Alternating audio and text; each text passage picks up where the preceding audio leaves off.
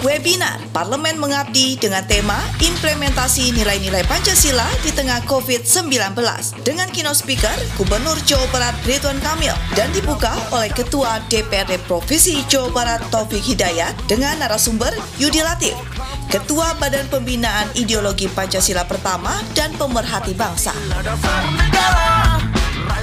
Info lebih jelas, kunjungi media sosial dan website resmi DPRD Provinsi Jawa Barat.